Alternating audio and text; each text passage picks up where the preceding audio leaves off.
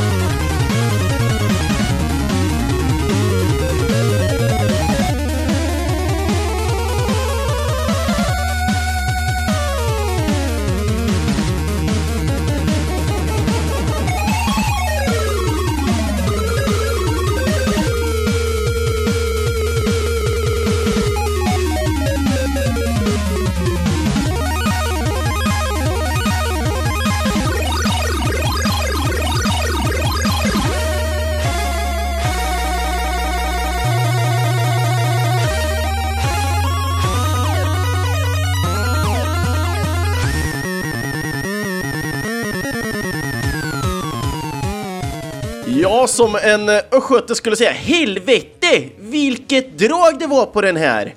Så måste jag själv ändå tillägga det att satan vilken jäkla bra låt det här ändå är och när man väl tittar på hela soundtracket så är det riktigt rivigt. Eh, och det är så, så precis som Mats säger att eh, det är ett fantastiskt soundtrack Eh, och spelet är, ska vara brutalt svårt. Ja. Jag har själv inte spelat det här spelet, men eh, ändå eh, sett lite gameplay och sånt. Och det, alltså när man ser andra spela som kan spelet så ser det rätt ut, men... Uh, men när vi kommer i alla fall till musiken här, så till Silver Surfer så skapades soundtracket av de brittiska äh, Follin-bröderna. Eh, det vill säga Tim Follin och Geoff Follin. Spelet i sig det utvecklades av den brittiska studion Software Creation och spelet hade release på Nintendo 8-bitar i USA eh, november månad då 1990. Det ingen som har något exakt datum eh, vad jag kunde hitta i alla fall på exakt när det väl hade release, men november månad i alla fall. Och när det väl kommer till Follenbröderna så de har ju flera stycken titlar eh, tillsammans, alltså spel som båda bröderna då har jobbat på. Eh, men det är just Tim Follin som är den brodern som har jobbat på flest titlar till spel. Några av de titlar de har jobbat tillsammans på eh, var till exempel Psycho Pigs UXB, eh, som då även var Joffs första spel. Eh, och det spelet det hade release 1987. Ett annat spel var eh, The Incredible Crash Dummies från 1992.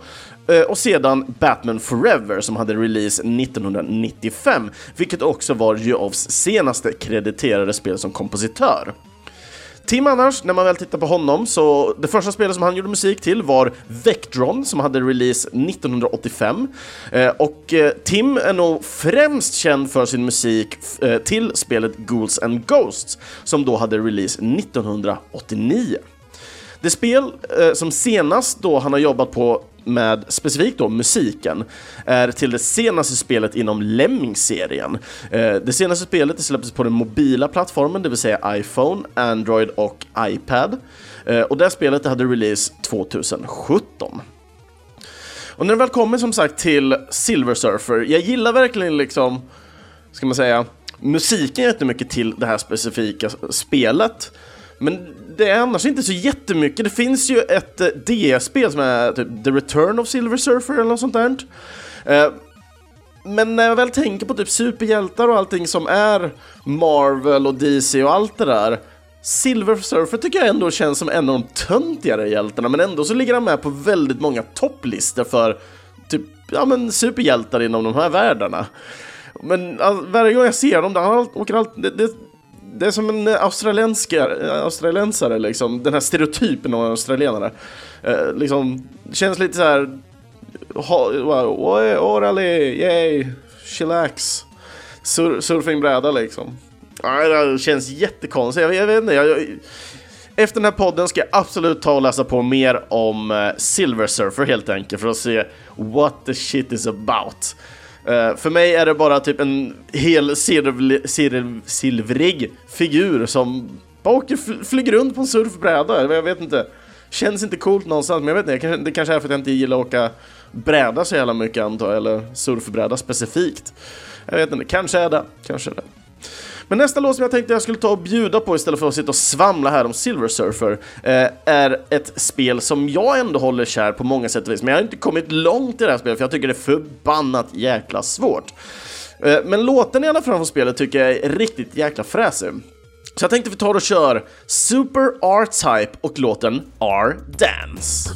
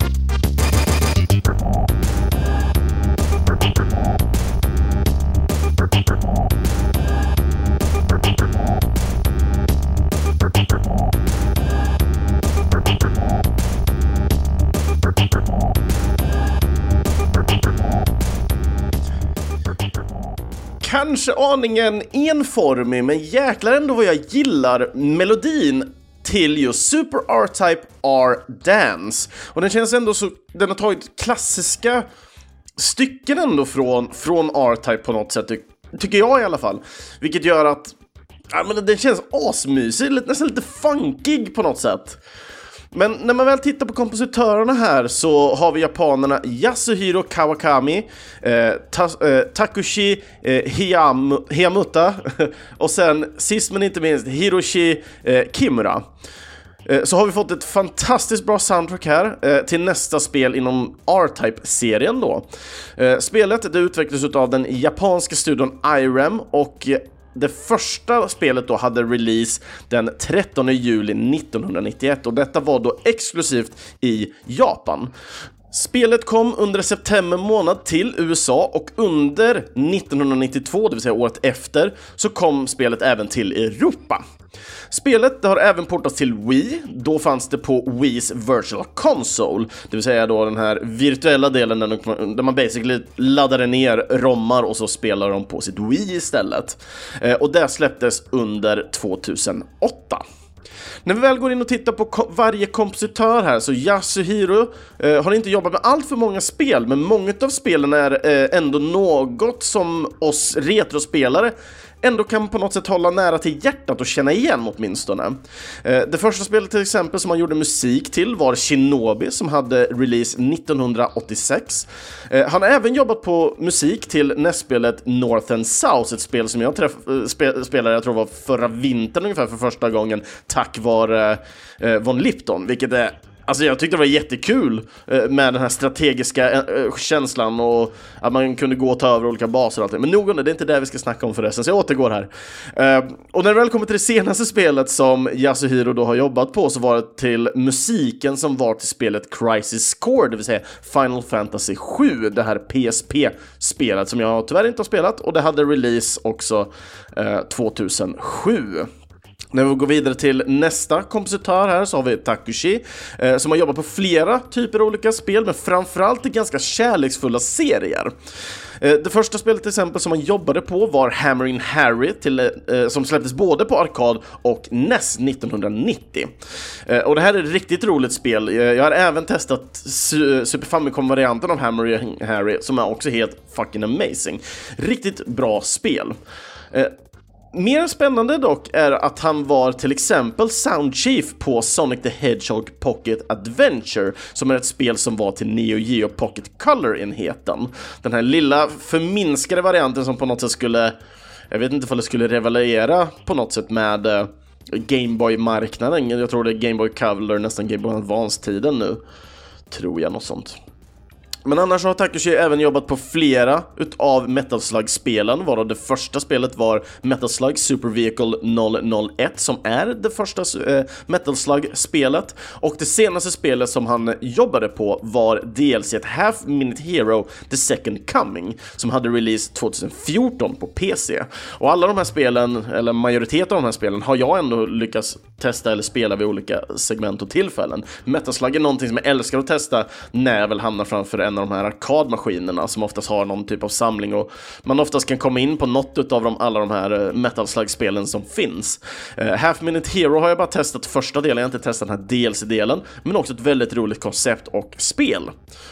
När vi väl går vidare till den tredje och sista kompositören Hiroshi så Ja, han har minst mängd av spel på sin creditslista.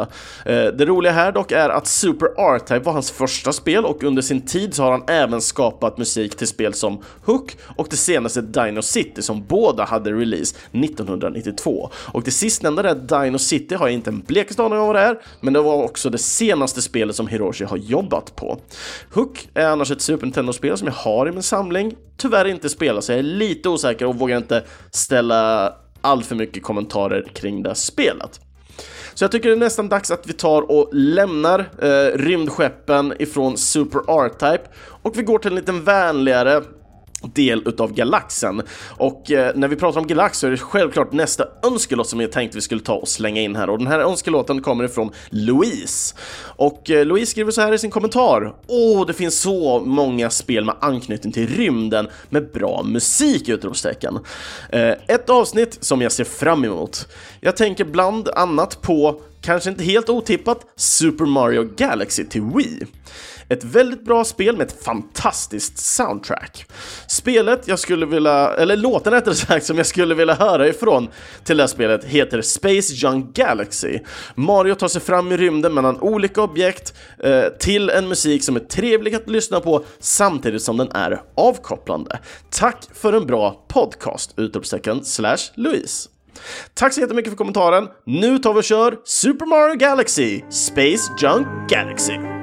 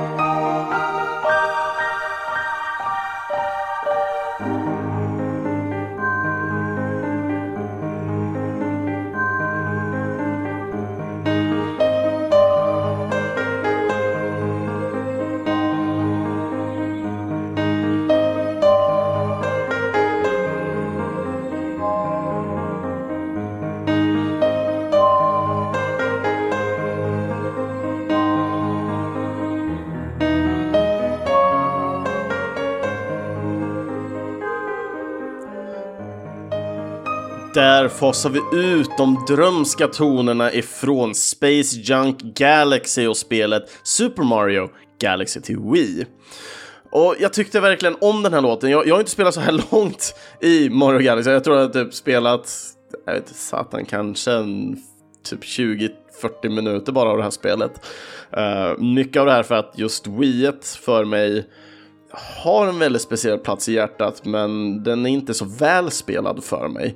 Jag har både ettan och Super Mario Galaxy 2 då. då.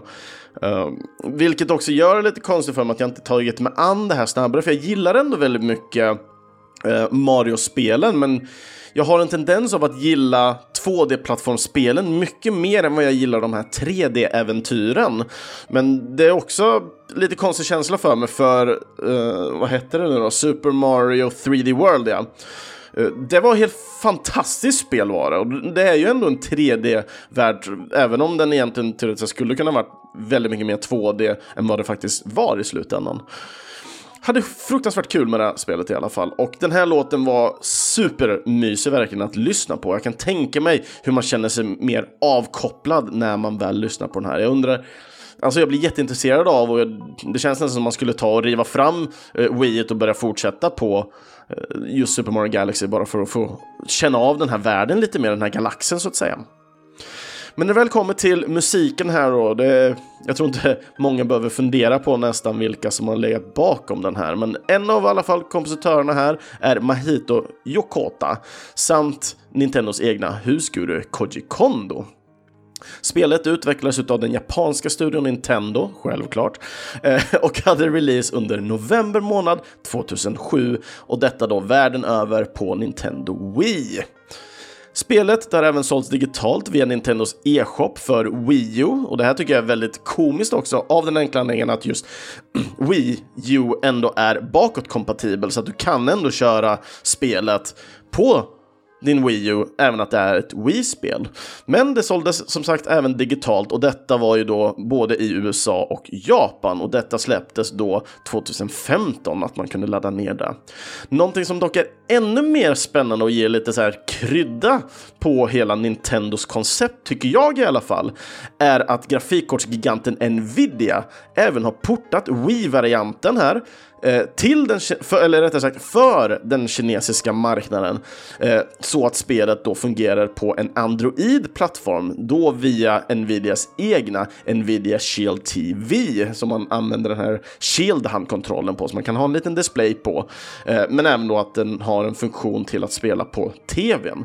Det här tyckte jag var väldigt spännande av den enkla anledningen att jag tror nästan det skulle då egentligen vara Nintendos första, ska man säga, portabla spel, inom citattecken. Eh, just med tanke på att det är den androida plattformen och när man väl söker på internet för att jag ville titta lite mer information på när jag väl såg att det fanns en Android-variant till det här spelet då blev jag intresserad, det var då jag hittade just Nvidia Shield och all, alla de godbitarna. Eh, men även då när man tittar på så är det väldigt många som har, eh, ska man säga, rippat APKn, vilket gör att man även då kan spela det här spelet illegalt visserligen, men man då kan spela det på sin, sin Android-telefon. Eh, jag antar att det kommer behövas göras rätt mycket för att den delen ska funka optimalt så att säga. Men när man väl går in och tittar på lite mer specifikt på eh, kompositörerna här, för som sagt, vi är ju ändå en musikpodd och vi ska inte gå in på allt för mycket tekniska delar, utan vi pratar istället mer om musiken och kompositörerna bakom dem. Så när vi väl tittar på Mahito här så eh, det första spelet inom spelmusiken var Journey to the West som är då egentligen den engelska titeln. Det heter någonting och sen To, the, to West eller något sånt där. Uh, tyvärr har jag inte skrivit ner det här i mina noteringar, men det släpptes i alla fall till Playstation 1 och uh, det släpptes både i Japan och USA under 1999. Han har även jobbat på spel som Donkey Kong Jungle Beat som släpptes till GameCube 2004 Eh, och som kom med de här underbara djungeltrummorna. Och det senaste spelet som han är, eh, är krediterad på är Super Smash Brothers Ultimate som kom till switchen. Eh, och där står han framförallt för Main Theme Recording Management. Något annat spel som jag tycker ändå är kul eh, med tanke på Mahito här och speciellt eftersom han har jobbat med Donkey Kong Jungle Beat är att han även hjälpte till att jobba med musiken till Wii Music. Så han har ändå jobbat med lite mer vad jag vågar säga är alternativa titlar mot vad en, en riktig, eller en, en hardcore gamer, nu gör jag sådana kaninöron igen, eh, men det som blev egentligen för de som började kalla sig gamers och det, att det är väldigt unika accessoarer. Det kändes mer som de här djungeltrummorna och allting kändes för att tilltala någon ny typ av publik. Men det var ju oftast vi engagerade och, inbitna inom intresset av, av spelare som tog oss an de här verkligen på djupet. Och det, jag har sett så många galna grejer med just de här trummorna. Folk som har spelat spel som egentligen inte borde spelas med de här trummorna har spelat spel med de trummorna helt enkelt. Och när vi väl kommer in på den andra kompositören, Koji Kondo, så har vi pratat om Koji Kondo flertalet gånger. Eh, så vi, jag tittade lite, vad har hänt senast egentligen? Eh, och det senaste som har hänt är att han nu står som sound director på Super Mario Maker 2 som hade release i år. Nästa spel i alla fall härifrån efter att ha avnjutit och fått nästan vila upp oss lite. Vi ska ändå ta och lyssna på en väldigt lugn låt, men jag skulle kunna våga säga att eh, mellan Mario Galaxy och nästkommande spel så är det här lite yin och yang. Så att vi tar och kör Azuras Wrath, Furueru Kokoro Instrumental.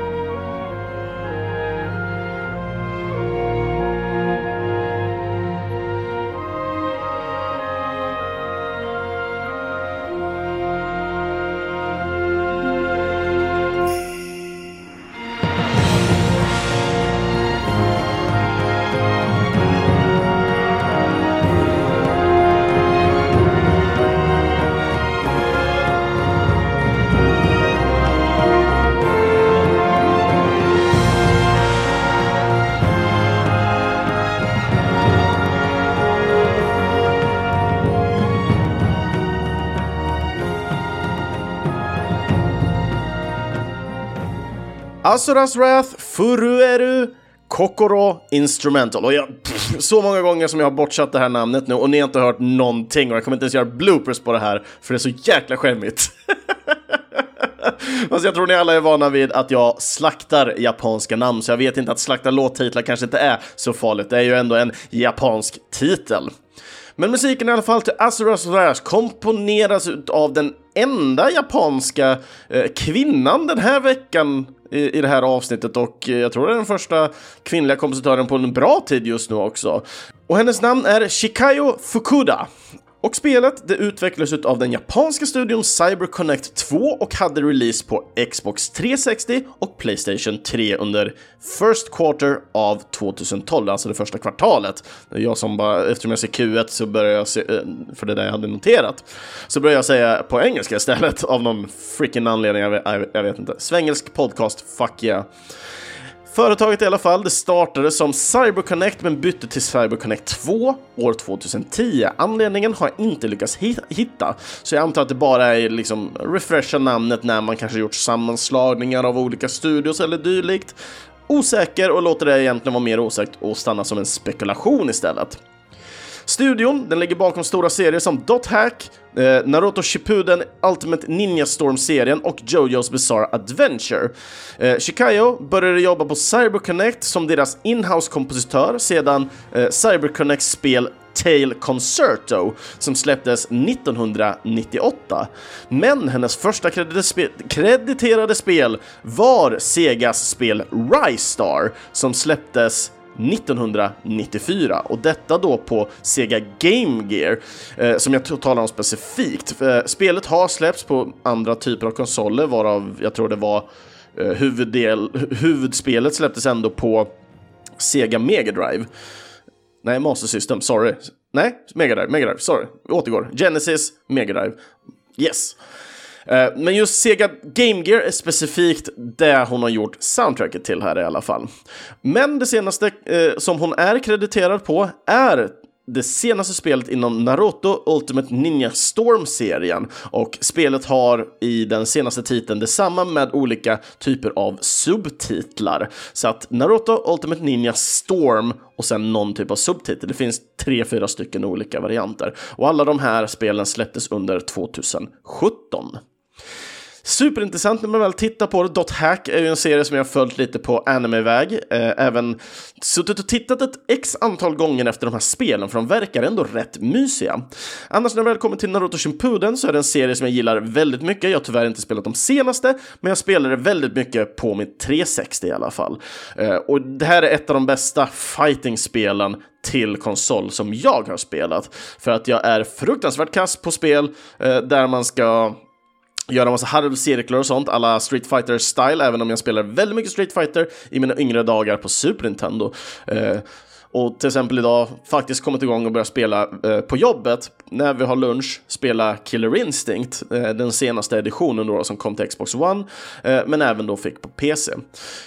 Men när det väl kommer till Ultimate i alla fall där för Ninja eh, och Naruto så tycker jag att det är så mycket lättare att hantera det här. Det handlar mer om strategin att få fram eh, vad man vill egentligen och besegra motståndaren. Fruktansvärt kul spel. Jojo's Bizarre Adventure, ej spelat något av spelen, dock spelat spel där de har sammanslagit lite karaktärer, där Jojo-karaktärer eh, nu kan jag dock misstolka mig, men jag är rätt säker på att det var med någon typ av Jojo-karaktär i alla fall i det, det, här. Vilket spel jag inte kommer ihåg, det hette typ någonting med Vi All-Stars typ. Det är mass, mix-mash av massor anime-karaktärer i samma värld som bara fighting it out. Eh, men annars har jag sett eh, en hel del anime på Jojo med, så jag känner igen karaktärerna i alla fall.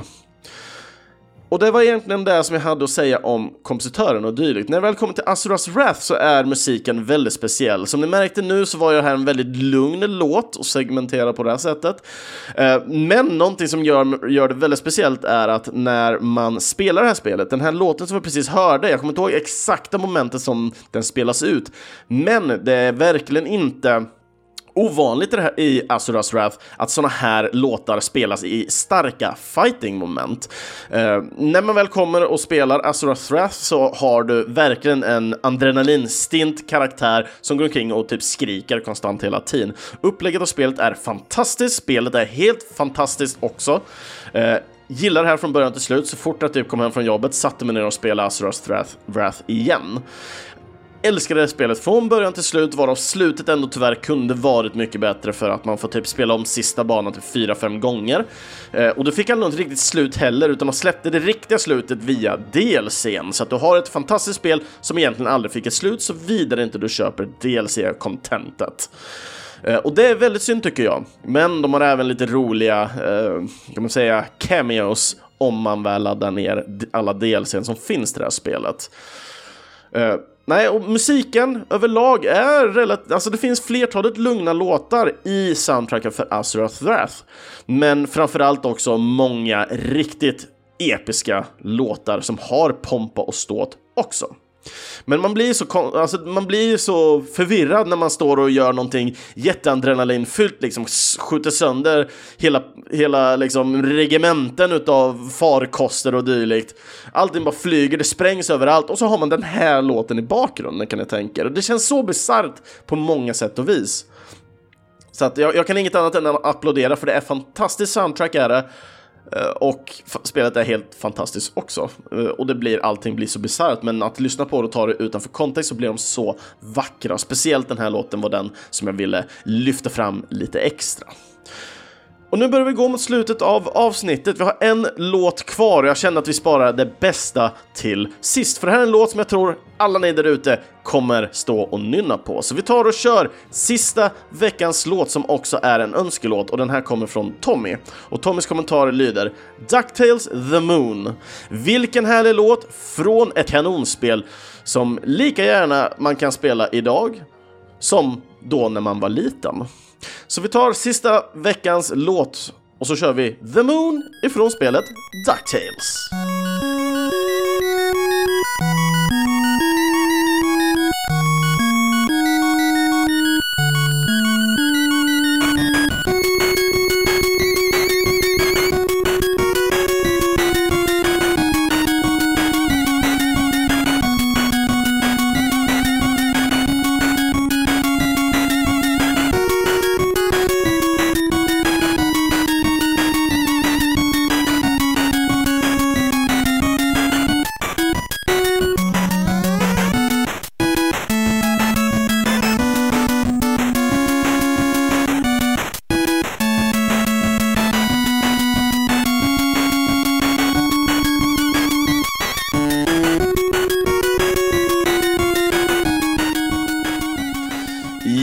Fruktansvärt bra låt! DuckTales The Moon och önskelåt från Tommy. Och jag uppskattar verkligen alla som har önskat låt idag. Kebabo, Louise och Tommy. Tack så jättemycket för att ni är med och eh, skapar egentligen eh, contentet och musiken och allting som vi har i den här podcasten. Helt underbart. DuckTales magnifika soundtrack komponeras av japanen Hiroshige Tonomura och spelet det utvecklades av den japanska studion Capcom och hade release under september månad 1989. Spelet det kom sedan även till både Japan och Europa under eh, första kvartalet. Bara för att jag skrivit Q1 här var jag tvungen att tänka en halv sekund längre. Och då kom spelet 1990, så som ni förstår här så hade spelet release i USA till en början innan det kom vidare till Japan och den europeiska marknaden. Spelet det fick även en remaster edition som släpptes eh, år 2013 och där har vi en helt annan kompositör eh, och även en helt annan studio. Det är nämligen Way Forward som ligger bakom det eh, i skapandet och det är eh, Eh, jag vågar faktiskt inte säga kompositören för jag kommer absolut säga fel eftersom jag är urusel på namn och brukar alltid ha allting uppskrivet. Spännande i alla fall när det väl gäller skaparna bakom DuckTales så har vi bara sex stycken personer varav Keiji Inafune ligger i toppen som director och graphical design. Eh, och Keiji är ju annars känd för Megaman-serien där jag tror han har jobbat på varenda Megaman-spel som någonsin har släppts till, till vad jag vet. Kanske inte det absolut senaste som kom, som man typ hört skulle komma, kom och sen har inte någon sagt någonting annat typ. I don't know. Kanske inte ens har kommit, jag vet inte. Nobody knows. När det väl gäller Hiroshige i alla fall så har han inte en enorm lista av spel bakom sig. Detta då han lämnade eh, spelmusiksbranschen rätt tidigt, eller ja, tidigt inom citattecken. Ni, ni, får tolka i alla fall eh, eh, när ni väl hör informationen. För hans första spel var nämligen shoot em up-spelet eh, 1943 Kai. Eh, och där står han som uncredited och spelet saknar en credits-lista. Uh, och det spelet det släpptes på Arcade och TurboGrafx 16 och det här släpptes då 1988. Det senaste spelet som han då är krediterad till är Magic Pengal. och ja, med undertiteln The Quest for Color för den delen, där han står som eh, Music Support i creditsen. Eh, och detta spelet det släpptes år 2002, så när man har 17 år sedan det senaste krediterade och, och arbetade spelet så känner jag att uh, jag tror inte han är kvar riktigt. Jag har, inte, jag har inte hört någonting att han specifikt har lämnat branschen, men det finns ingen annan credits på vad han har gjort eller dylikt. Och när det väl kommer till, till DuckTales så finns ju många klassiska eh, låtar här. Och jag vet inte, det är återigen här ja, men, återigen för att säga klassiskt igen, men det är ju den klassiska liksom, NES-sjukdomen eh, nästan att eh, alltså det är små korta låtar ändå, men de är ack så himla bra. När det väl gäller Capcom så har ju de haft förbannat bra kompositörer till så gott som alla spel. Eh, ibland har vi låtar ifrån eh, serier och dylikt som man känner igen och ibland kommer helt nya låtar som ändå har gjort och blivit starkt ikoniska för spelen i sig, men också för både kompositörer och nästan spelmedia. Alltså, ja, precis som att vi skulle kunna köra ett rymden-avsnitt och inte önska The Moon känns känns väldigt konstigt. Och nu har vi en låt här, så nu är balansen återställd och det får vi tacka Tommy för helt enkelt. för jag hade inte valt den eftersom den är extremt uh, Alltså det, det, är många som hade valt den, så det är därför känner jag att många känner igen den och allting. Men såklart, när, när ni önskar så ska ni absolut få höra låtarna som ni önskar. Och det var alla låtar som vi hade att bjuda, eller jag och de som önskat hade att bjuda på den här veckan i alla fall. Det var jättekul att sitta och titta igenom information. Det var, jag fick lära mig både ny, nytt och lite gammalt som man kanske känner igen. Men jag tyckte det var jättekul i alla fall att hålla på eh, med just det här avsnittet. Speciellt jag, jag själv tyckte det var lite svårt att köra på just temat rymden. Detta då, jag är inte jätteförtjust i meck-grejer som oftast annars kan vara ute i rymden. Så, men visst, jag hade lite olika typer val och vinklar och dylikt som jag ville liksom anpassa mig på. Eh, och jag tror de flesta av er kanske hänger med på de olika referenserna och det eh, som, som kommer igenom. Silver Surfer kommer ju från rymden till exempel. Super R-Type utspelar sig i rymden. Mario Galaxy utspelar sig i rymden. Asuras Wrath, annan freaking galax, men också rymdstrider där man flyger runt med Asura emellan både rymdskepp och allt möjligt. Ducktails, anka ut i rymden. Goddamn amazing alltså. Så jag tycker vi lyckades bra med både låtar som jag har plockat och låtar som har önskats den här veckan. Det har varit fantastiskt. Men när det väl kommer till andra avsnitt ut av Äntligen Spelmusik, ja, de hittar ni på videospelsklubben.se eller i era närmsta podcastapp. Ni får gärna följa och kommentera jättegärna på sociala medier såsom Facebook eller Instagram och då söker ni bara på Äntligen Spelmusik. Det uppskattas jättemycket att höra vad ni tycker och tänker om podcasten, vad ni vill höra mer för musik och allt det där. Så det är jättekul varje gång ni kommenterar. Och för att nå mig, Kristoffer Schenström, skriv då i kommentarsfälten på antingen videospelsklubben.se, Instagram eller Facebook. Eller varför inte joina in på videospelsklubbens egna Discord-kanal. Och det är bara, allt sånt finns borta på videospelsklubben.se så hittar ni de delarna där. Ni får jättegärna dela med er av era favoritlådor på temat som avsnittet har, det vill säga rymden, i kommentarerna. För jag vill jättegärna höra låtar som ni kanske glömde önska och gärna hade velat ha med i programmet Eh, så jag får höra dem och kanske lära mig någonting nytt. Man vet aldrig. Information annars om kompositörer som jag hittat och vart man kan annars hitta låtarna för att köpa dem och dylikt, ja, de finner ni i videospelsklubben.ses inlägg. Och då går det jättegärna bra att stödja Äntligen Spelmusik och framtida kompositörer via Äntligen Spelmusiks egna Patreon-sida, så surfa gärna in där och donera en liten slant för var månad för goda ändamål. Och de nuvarande underbara Patreon-backarna är Peter Nordlund. Tack så jättemycket för att du är med och stödjer Äntligen eh, Spelmusik. Och nästa vecka, då är det återigen dags för ett litet kompositörsavsnitt. Så att, och den kompositör som jag har plockat fram den här gången är ingen mindre än Jesper Kyd. Så att nästa vecka tar vi och gräver lite djupare i vem är Jesper Kyd? Vart började han och vilken typ av musik är det han har gjort genom tiden? Vart började han med musiken och vad gör han för musik idag helt enkelt? Det ser jag jättefram eh, emot faktiskt, för eh, Jesper Kyd är en person som man har hört mycket musik ifrån.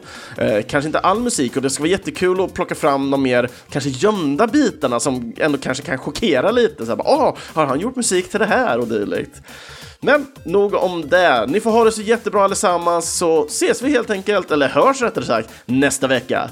Ha det så bra nu allesammans. Hej då!